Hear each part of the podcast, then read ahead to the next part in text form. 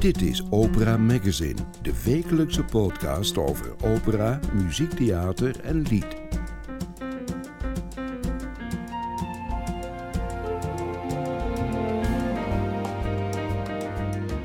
In deze aflevering van Opera Magazine hoort u hoe tenor Peter Gijsbertsen na anderhalf jaar gedwongen stilte weer volop te horen is als liedzanger en in grote operarollen. En we spreken Daan Idlenburg, die het libretto schreef voor Dwaalhuis, een voorstelling over dementie van Holland Opera. Welkom bij Opera Magazine.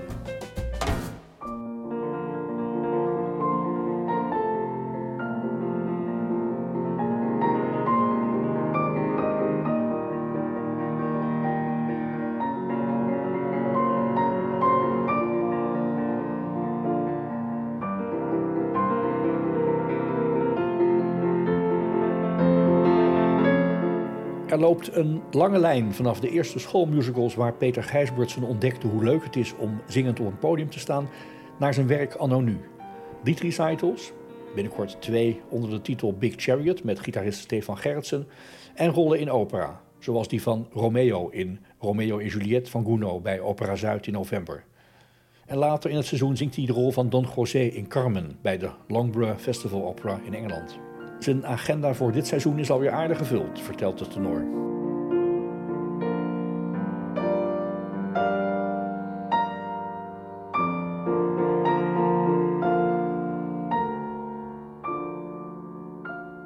Het seizoen is weer begonnen. En dat merk je onder andere aan het feit dat zangers weer volle agenda's hebben. Dat we weer een beetje teruggaan naar het oude normaal of het nieuwe normaal. Ik zag het ook bij jou, Peter Gijsbertsen, op je agenda, op je website, dat je weer een aardig vol programma hebt voor het uh, komend seizoen. Ja, klopt. Nou, er zijn nog wel wat gaten hoor, maar uh, nee, er staan een aantal dingen die, uh, die gewoon hartstikke leuk zijn en die volgens nog ook gewoon doorgaan. Dus ja, ik, ik ben niet ontevreden. Het is lied en het is opera. Oratorium zag ik er nog niet op staan. Zit dat er wel in? Ga je nog wel iets met passies ja, doen? Er staat toevallig deze zaterdag een Petit Messe van Rossini. En dan uh, volgend jaar ga ik de harmoniemessen doen van Haydn in Zwitserland, notabene. Uh, dus er, er staan wel een paar dingetjes. Ik heb twee fragmentjes aan elkaar geplakt die met elkaar niks te maken hebben, maar wel iets met jou. Ik weet niet of je die muziek al herkent, uh, die intro. Ja.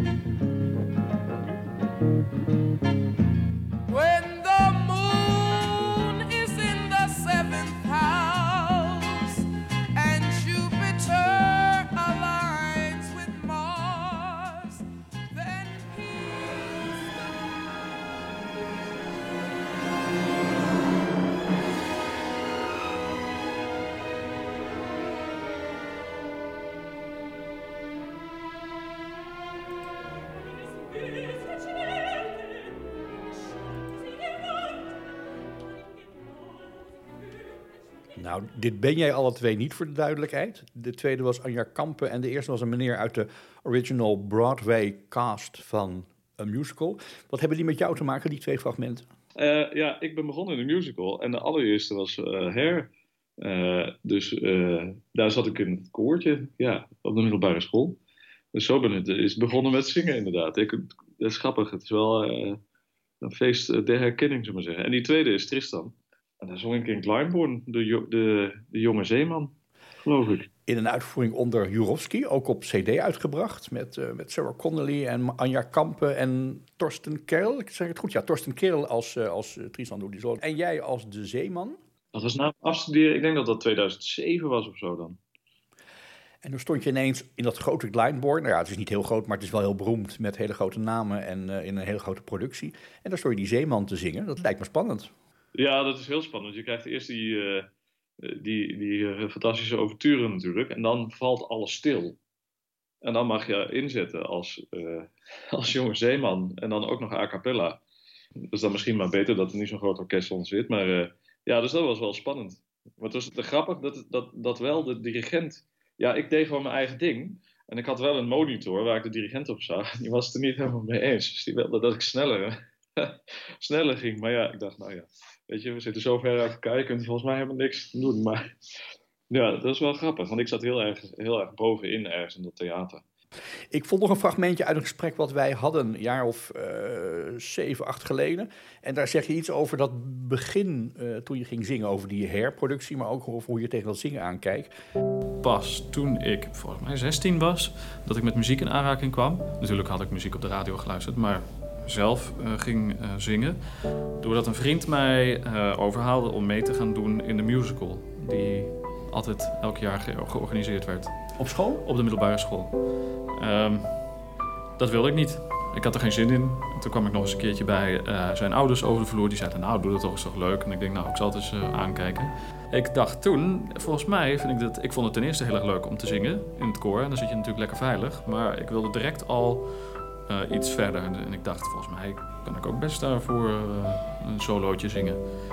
Je zou het eens aankijken. Dat vind ik ook wel een mooie zin. Een zanger praat altijd over dat er een passie ontstond en dat er een zaad werd geplant voor iets wat een levensbepalende uh, loopbaan zou zijn. En jij zou dat zingen wel eens aankijken.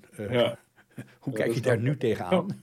Goed voorstellen dat, dat ik dat zei. Ja, gewoon de kat uit de boom kijken. Hè? Je wil, ik ging me niet direct zomaar ergens aan verbinden of zo. Ja, ik ben misschien iets, ietsje veranderd, maar dat, dat, zo ben ik eigenlijk nog steeds hoor. Dat ik als zo'n eerste dag met een productie of zo, dan eens even kijken wat, wat, er allemaal zit. En nu treed ik dat veel opener tegemoet. Maar uh, nog steeds wel even kijken wat voor vlees je in de kuip hebt inderdaad. Zit die houding soms in de weg als je in een productie zit waar iedereen voluit moet gaan? Je moet ook voluit jezelf laten horen, laten zien, erbij zijn. Ja, dat heeft, dat heeft me wel eens tegengehouden. Kijk, als, maar, als je de kat uit de boom kijkt en het, en het bevalt je niet, dan, uh, dan, dan heb je een probleem dat je moet oplossen. Dat heb ik wel eens nagelaten, inderdaad. Uh, en dan, dan uh, krijg je het twee keer zo hard terug. Je hebt inmiddels een aardige carrière van dat aankijken opgebouwd. En toen kwam er corona en toen werd je gedwongen tot thuis zitten, nadenken, andere dingen doen. Um, heb je iets geleerd van die tijd? Heb je iets aan conclusies kunnen trekken over jezelf en je werk in die tijd dat corona je het onmogelijk maakte om op te treden? Ja, eigenlijk wel. De, eigenlijk is het een hele goede tijd geweest. Ik weet dat dat voor heel veel mensen niet zo was, maar uh, voor mij in zekere zin ook niet. Maar alles stopte ineens en ik kon ook even lekker alles uit mijn handen laten vallen. Dus niet de druk van een uh, debuut bij de Nederlandse opera. Uh, je moet niet, hoeft niet per se altijd gezond te zijn. Ja, als je op verkouden was, moest je moest je toch thuis blijven, maar goed, maakt niet uit. dus die druk was er af. En dat vond ik heerlijk om dat een keertje niet te hebben. Uh, nou, en dan is er inderdaad ruimte voor, voor gedachten als van... Goh, maar wat, uh, wat is dit eigenlijk voor vak? Wat, ben ik nou eigenlijk aan het doen? Vind ik het wel leuk? Hoe wil ik het eigenlijk doen? Nou ja, er is niks te doen, dus je gaat iets anders doen. Nou, en dan uh, mag het wel weer. En toen het weer mocht, toen dacht ik, ja, wacht eens even. Volgens mij wil ik toch wel weer graag zingen, ja. Het was nooit helemaal weg, want jij was natuurlijk iemand die al op 1 juni 2020, ik herinner dat nog heel goed, in een lege zaal met losse stoelen en grote cirkels eromheen getekend, werden we naar een stoel geleid. En daar mochten we zitten, maar niet bewegen, niet staan. En je mocht niet van je plaats af. En daar kwamen twee heren op. Hans IJzakkers, die achter de piano ging zitten. En jij, die winterreizen ging zingen. Dat was ook wel dapper. Kijk je daar ook met zo'n gevoel terug? Dat het een dappere stap was om op de eerste dag dat het weer kon, na die eerste lockdown, om daar op een podium te gaan staan? Kijk, ik ben, ik ben uh, in die zin niet dapper, omdat ik mijn eigen dingen niet organiseer. Of bijna niet. Uh, dus dat wat, kun je dapper noemen, maar goed, dan kun je ook gewoon eens een keertje uh, uh, als een schop onder je kont benoemen. Wat ik dapper vond, is dat ik het twee keer op een dag heb gezongen. om uit de kosten te komen. Dus dan wist ik in ieder geval dat, hè, dat als, de, als het verkocht werd, dat ik Hans iets kon betalen. Want ik heb daar niks mee verdiend, dat hele concept. Um, het zou daarna heel gauw beter worden, maar een jaar later, een jaar geleden, een half jaar later, een jaar geleden stond je bij Opera Zuid, toen nog met het plan als Gonzalve in uh, Le Espagnol, dat dat zou worden gestreamd naar allerlei zalen, maar die zalen mochten niet. En toen werd het alleen maar een stream. Ja, het was hartstikke leuk om te doen. En die, die opera was, een, uh, was me, eigenlijk denk ik een van mijn eerste lollige rollen. Maar die Gonzalve is natuurlijk wel uitgesproken uh, grappig. En dat vond ik ook heel erg leuk om te doen. En, en dat kwam ook nog wel, dat kwam ook nog wel over zo op zo'n video. Want je staat gewoon voor drie van die rollende camera's te zien. Hè? Dus dat is wel een beetje gek. Je moet, je moet de, de lach maar erbij verzinnen.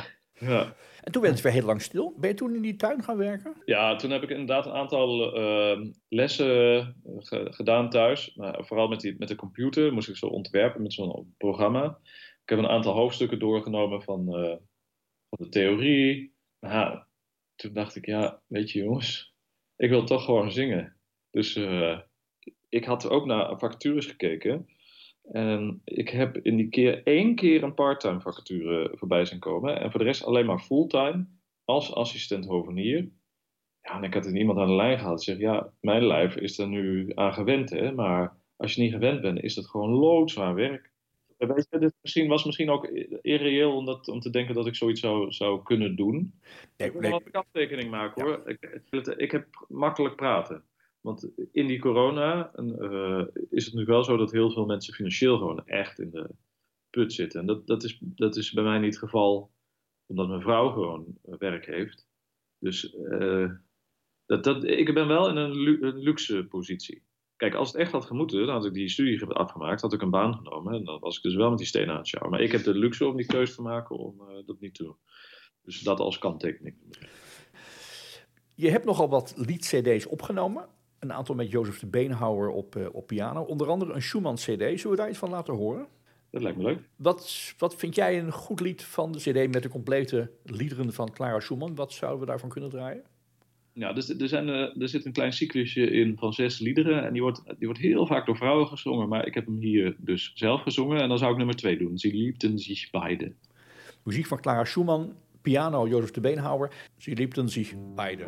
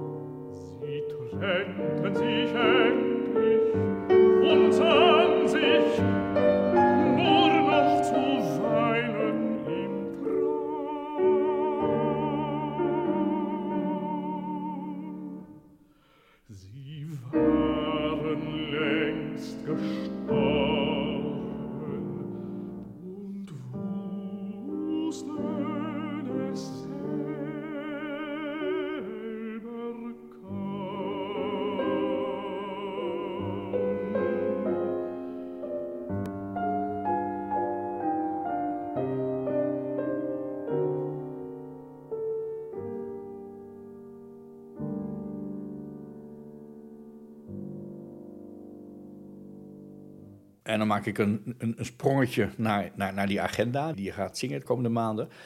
Dat seizoen begint met onder andere twee recitals die je gaat geven bij de, in, in Zeist eh, eh, en in, op het festival Vocalis in het zuiden van Nederland. Maar niet met een pianist, maar met een gitarist. Hoezo dat? Ja, ja ik heb ooit eh, auditie gedaan voor de muziekprijs met hem. Met een stuk van Henze. En dan had ik, ik wilde dat graag doen. En daar had ik een gitarist voor nodig. En toen eh, hebben we elkaar nog een paar keer gebeld. En hebben we uiteindelijk een programma samengesteld. En zo zijn we eh, samen gaan werken eigenlijk, ja. Zingt het heel anders bij een gitaar of bij een piano? Ja, kijk, een piano, dat kan een hoop herrie maken. Als ze willen. Als ze willen, dan eh, doe je niet meer mee als zanger. Bij, een gita- bij de gitaar is dat anders. Dat is eigenlijk anders, precies andersom. Ehm, dus da- dat is een beetje een balans zoeken. Soms, soms gaat het prima. Meestal met eh, stukken die echt voor de tenor en gitaar geschre- geschreven zijn, gaat dat eh, redelijk goed. Maar als je Schubert gaat zingen bijvoorbeeld, of eh, dat soort liederen, dan, eh, dan kan die balans wel eens in het geding komen. Dan heeft hij een kleine versterker, zodat hij net ietsje naar voren komt en dat ik gewoon kan zingen zoals ik normaal zing. Dat, dat is een beetje een uitdaging.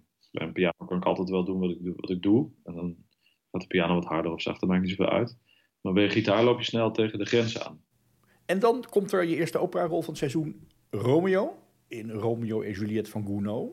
Ja, eh, bij Opera Zuid. Daar heb je vast al heel veel aan gedaan. Maar nog, heb je al een beeld van wat het voor productie wordt? Nee, ik heb helemaal geen idee. Nul. Ja, ik heb wel de cuts gezien. in de partituur. En eh, er wordt vaak wat teruggegeven, geloof ik, naar muziek uit de overturen. Dus eh, er, wordt, er, er is wel wat spannend aan de hand. Maar hoe dat precies eruit ziet, eh, dat weet ik nog niet. De, de, de regisseur gaat, zo staat op de website van Opera Zuid, een eh, fantasiewereld scheppen met eigen kleuren, regels en esthetiek, die niet op de onze lijkt. En wat er wordt gezongen wil hij ook gereflecteerd zien in de lichamen. Kortom, Oh, je weet al meer dan ik. Ik had het moet even moeten lezen. je moet aan de bak. Ja, Nog geen regie in je hoofd, maar wel die muziek. Kun je iets zeggen over eh, die muziek? Het is een nieuwe rol voor jou, denk ik. Je hebt nog niet eerder gezongen. klopt. Wat heb je ontdekt bij het, eh, het, het reizen door die partituur? Ja, het is Frans, hè, natuurlijk, wel Gounod. En, ehm, dus hi- hier en daar is het wat gestileerd, maar, maar vaker is het gewoon ja, veel emotie en, eh, en, en passie. En dat, daar zie ik wel naar uit hoor. Eh, want ik heb die Alfredo een paar keer gedaan. En dat vond ik gewoon heerlijk om, om daar op het podium een beetje eh, ja, er alles uit te gooien, zullen we maar zeggen. En wat, ik, wat het grote verschil is tussen die twee partijen, is dat Alfredo eh, gewoon minder, minder lang is. En minder hoog ook. Nou, ja, ook nog minder hoog. Dus dit, dit die Romeo is wel een, eh, een uithoudingsproef. Het is echt een hoofdrol met heel veel te Ja. zingen. Ja, er is wel het een en ander uitgehaald, maar dan nog heb je, heb je wel echt lappen te zingen. En dan, dat is geen kattenpis, zeg maar. Dus dat, dat wordt er wel een uitdaging, om te kijken hoe, eh, hoe zoiets loopt. Eh, maar ik, heb daar wel vertrouwen in. Ik, ik ben voor de zomervakantie naar Engeland geweest voor, een klein festival. En daar vroegen ze mij, nou wil je Cozy doen daar of Aces? van Aces en Gal- Galatea. Ik zeg nou, doe maar... Doe maar Ferrando, want dat is lekker veel. En dan eh, kan ik lekker spelen en zo. En toen zei ze, ja nee, maar we willen eigenlijk dat je het allebei doet. Toen dacht ik, wat? we twee producties gaan spelen. Ik dacht, nou weet je, het zal ook. Ik vind het allemaal best. Eh, we kijken wel hoe het gaat, doorzit. Nou, hè, als het allemaal misgaat, dan eh, is er denk ik nog geen man overboord. Maar daar stond ik op de dag van de première te repeteren voor Aces. De première van Cousy stond ik te repeteren voor Aces en Galatea. Dus eh, dat is een beetje het Duits systeem, hè? Dat je gewoon eh, repeteert en dan uitvoert en dan weer repeteert achter elkaar. En dat heb ik allemaal volgehouden. Dus dat geeft mij dan weer goede moed voor zo'n Romeo, weet je wel. Je gaat de, de rol zingen met als Julia eh, Anna Emelianova. Die we kennen van eerdere producties van Opera Zuid. Ja, 12-11 in Maastricht en 11-12 ook in Maastricht. Dat zijn de eerste en de laatste data van, van de tour. Verder ga je naar Eindhoven, Rotterdam, Den Haag. nou, op veel plekken in Nederland. Dan doe je, ik spring even door je agenda. En dan komt er nog in Zeist op de volgende editie van het Liedfestival, weer gewoon in, eh, in mei, eh, komt er een avond met eh, muziek van Brahms, die je gaat zingen samen met andere mensen, waaronder Roderick Williams, Rosanne van Zandwijk. Twee grote namen op de piano, Hans IJzakkers en Roger Vignoles. Dat wordt bijzonder, maar nog ver weg, denk ik. Ja, ja maar eh, eh, Hans had me ervoor benaderd. En eh, dacht ik, oh, ik weet niet of het wel lukt. Maar eh, nu lukt het toch net voordat ik iets anders heb.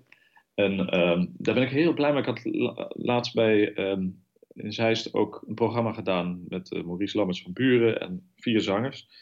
En dat vond ik gewoon hartstikke leuk om te doen. Gewoon met z'n met z'n vieren, weet je wel. Dan, hoef je ook, dan heb je ook niet altijd al die druk als, van, van een solist op je. En natuurlijk moesten we daar ook nog allemaal andere liederen zingen. Maar die kwartetten vond ik echt heel leuk om te doen. Net daarna ga je alweer een, eh, een hoofdrol zingen in een opera en weer de love interest van de vrouwelijke hoofdrol. Namelijk, die vrouwelijke hoofdrol is Carmen en jij zingt Don José. Ja, ga en nou, en nou, eh, gaan we ons op eh, gevaarlijk terrein bevinden. Want kijk, de meningen zijn altijd over mij verdeeld geweest. Eh, en eh, ik heb ook twee agenten, eentje in Nederland en eentje in Engeland. En die in Nederland die verklaart me voor gek. Eh, en in Engeland, ehm, die, die, ja, die heeft dit werk geregeld, dus die, die vindt het een goed idee. Ja, kijk, als je zo'n rol aangeboden krijgt. Ik heb in dat eh, ehm, festival al die, die Traviata gezongen, dus ze weten hoe ik klink daar. Ehm, het is een klein huis. En toen heb ik ook nog auditie gedaan voor, voor die rol. Eh, en toen hebben ze het me aangeboden. Dus vanaf die kant zijn ze wel overtuigd. En dan heb ik nog een coach en een docent en dan heb ik mezelf nog. En dan denk ik, ja, weet je, ik ga het gewoon doen. De laatste vraag. eh, wat zegt dit programma, wat zegt het over jou dat je deze dingen gaat doen komend seizoen? Ja, dat ik, dat ik toch, ehm, ja, toch maar mijn eigen, mijn eigen weg ga, denk ik. Nou, het, het zegt vooral dat ik er nog steeds ben. En eh, eh, ondanks alles en eh, al dat gezeur en gedoe, maar ook leuke dingen, dat ik, dat ik gewoon nog steeds zing. Ja, nou, dat is al heel wat, denk ik, in deze tijd. En dat zingen ga je vooral doen in Nederland, een beetje in het buitenland, maar ook veel avonden in Nederland. Dan moeten wij als publiek het maar eens, eh, in jouw woorden, maar eens aankijken. Ja, kijk het maar eens aan. Maar het is de muziek, aan, het mu- aan de muziek zal het niet liggen in ieder geval. U luistert naar Opera Magazine.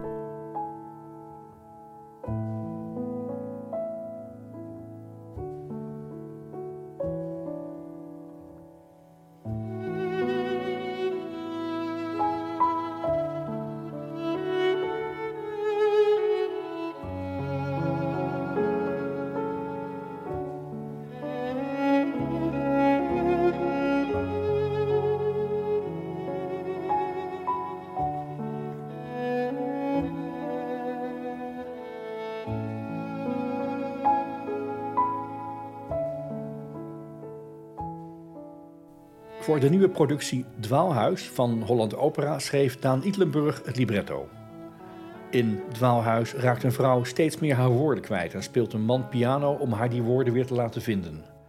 Het is, zoals de makers zeggen, een voorstelling over vergeten, maar ook over je mooiste herinneringen. De vrouw zegt ergens in het stuk, Hoe kom ik nou aan jou? Ik ken jou al heel lang, hè? en alleen al voor die zin zou je een kaartje kopen voor Dwaalhuis. Dit is de muziek uit de trailer.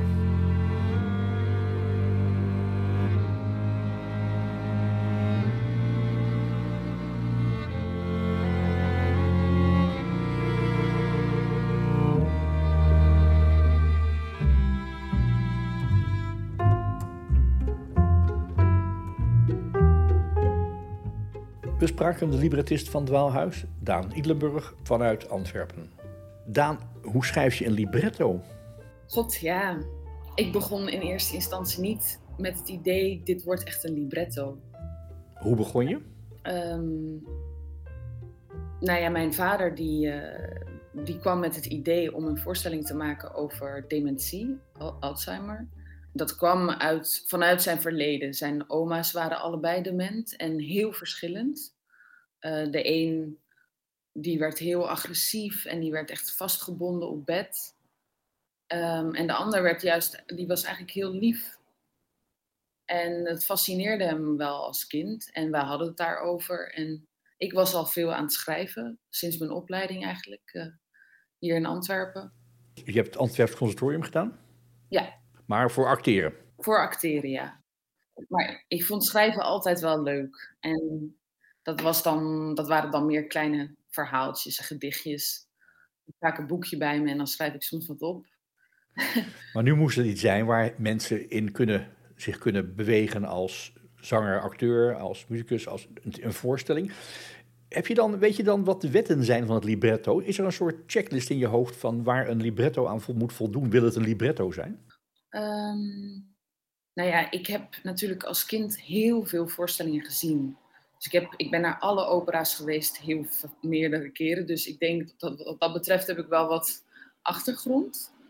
Alleen de fout die ik bijvoorbeeld ook maakte, is dat ik in het begin dacht van, oh, het is misschien eh, makkelijker als ik in rijm schrijf. Eh, want dan kun- kan er makkelijker muziek opgemaakt worden en kan het ook makkelijker gezongen worden. Klinkt logisch. Ja, en toen zei mijn vader al heel snel van, ja, dat is echt niet nodig en dat helpt eigenlijk niet. En toen dacht ik, oh, oké, dan geeft het me eigenlijk weer veel meer vrijheid als ik dat loslaat. Maar wat je wel moet bedenken is dat met een, in het norm, ja, normaal gezien ehm, gebruik je best wel veel woorden. Als je een tekst leest, dan, kan, dan kun je ook best wel wat lezen.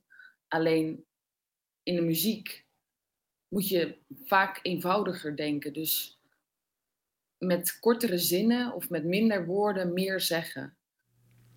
Heb je een voorbeeld van zo'n zin waarvan je denkt, die is goed gelukt, daar heb ik bereikt wat ik wilde bereiken in de taal?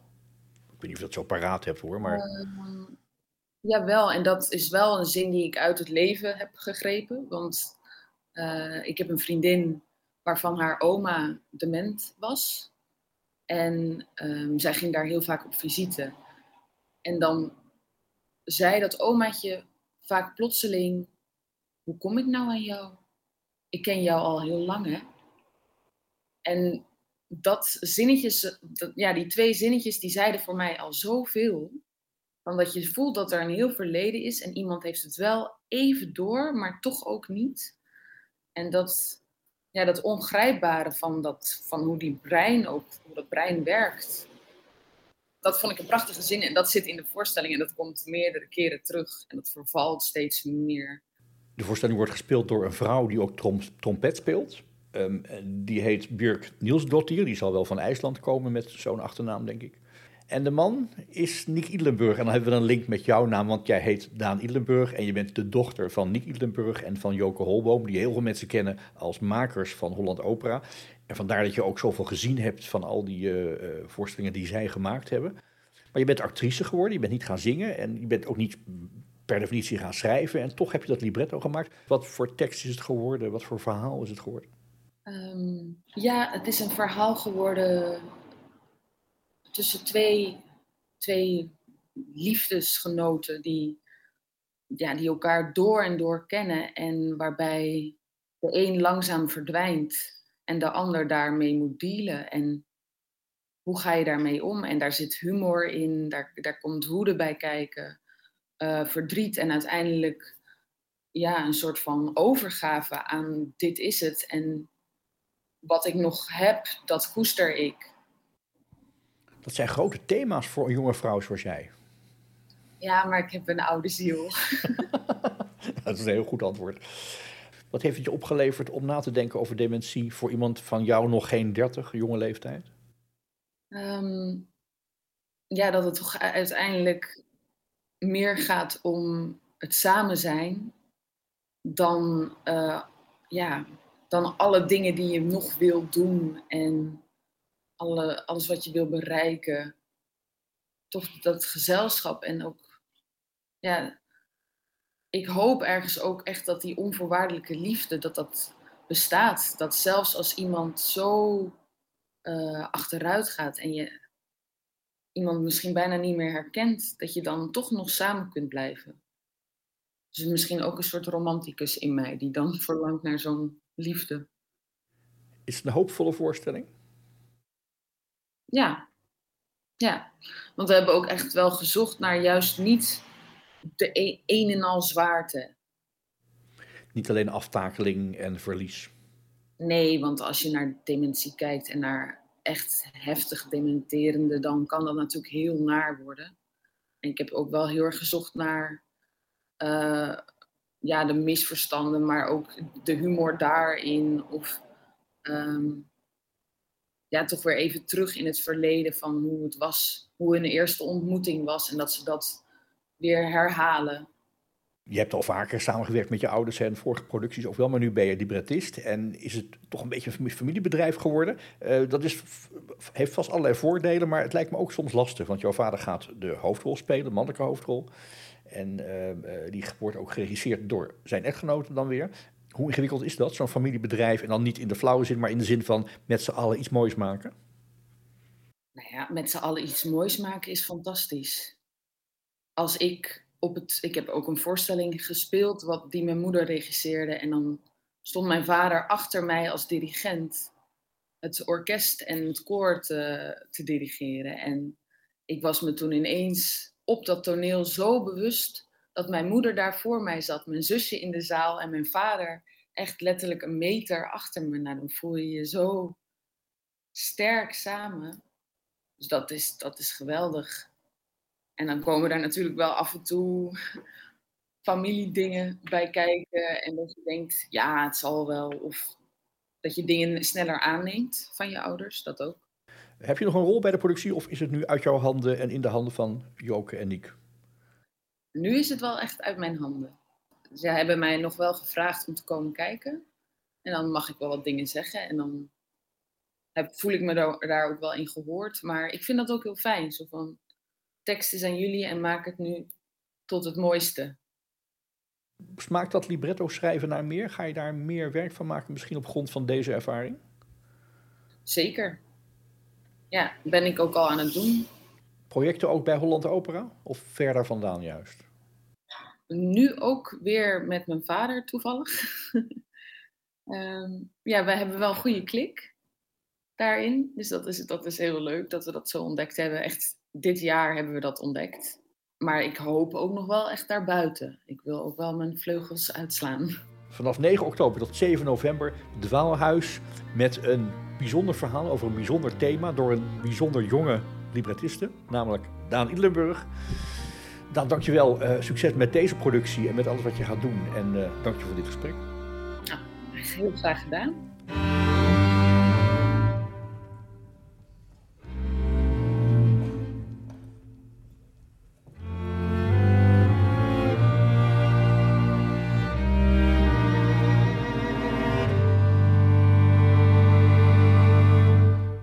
Mesdames et messieurs, bonjour. Bienvenue sur la scène numérique pour ce prélude consacré à Falstaff de Giuseppe Verdi. Je suis Timothée Picard, dramaturge du Festival d'Aix-en-Provence. De inleiding op de opera Falstaff van Verdi, die afgelopen juli werd opgevoerd tijdens het Festival van Aix-en-Provence, staat online, weliswaar in het Frans. U hoort de opname uit Aix zaterdag om 7 uur op NPO Radio 4. En daar legt presentator Hein van Ekert het allemaal gewoon in het Nederlands uit. Et de vous dire quelques mots de la production que vous allez voir, dirigée par Daniele Rustioni, à la tête du chœur et de l'orchestre de l'Opéra de Lyon, mise en scène par Barry Kosky, avec Christopher Purves dans le rôle titre. Zo klonk Christopher Purves in zijn aria in de eerste acte als John Falstaff. può sentir chi è morto. No. Vive sol coi vivi. Eppure. Perché ha tolto la gonfia le lussighe e corrompe l'orgoglio l'amor va ne calonie e per me non è voglia